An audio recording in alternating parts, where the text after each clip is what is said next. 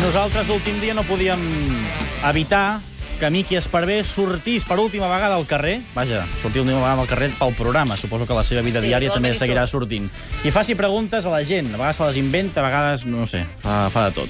Dels següents tres titulars m'has de dir quin creus que és cert. Vamos allá, ¿no? Tito Vilanova abandona el lloc d'entrenador a quatre dies de començar la pretemporada. No me jodas. Segon titular.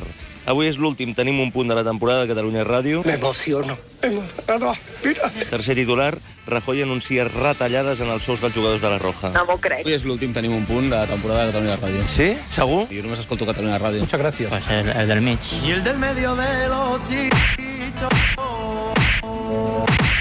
el nostre, eh?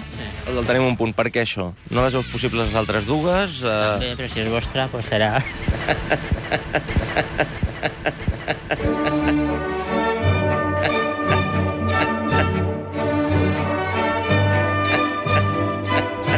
Son gilipollas. La primera.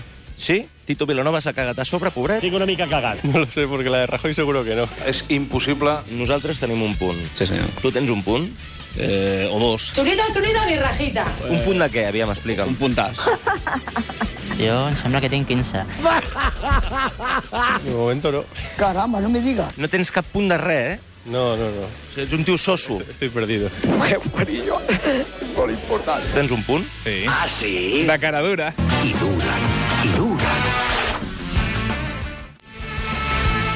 I el Miqui Esparvé no anirà als Jocs, però hi podria, en la categoria de pesat, màster. Rodrigo Rato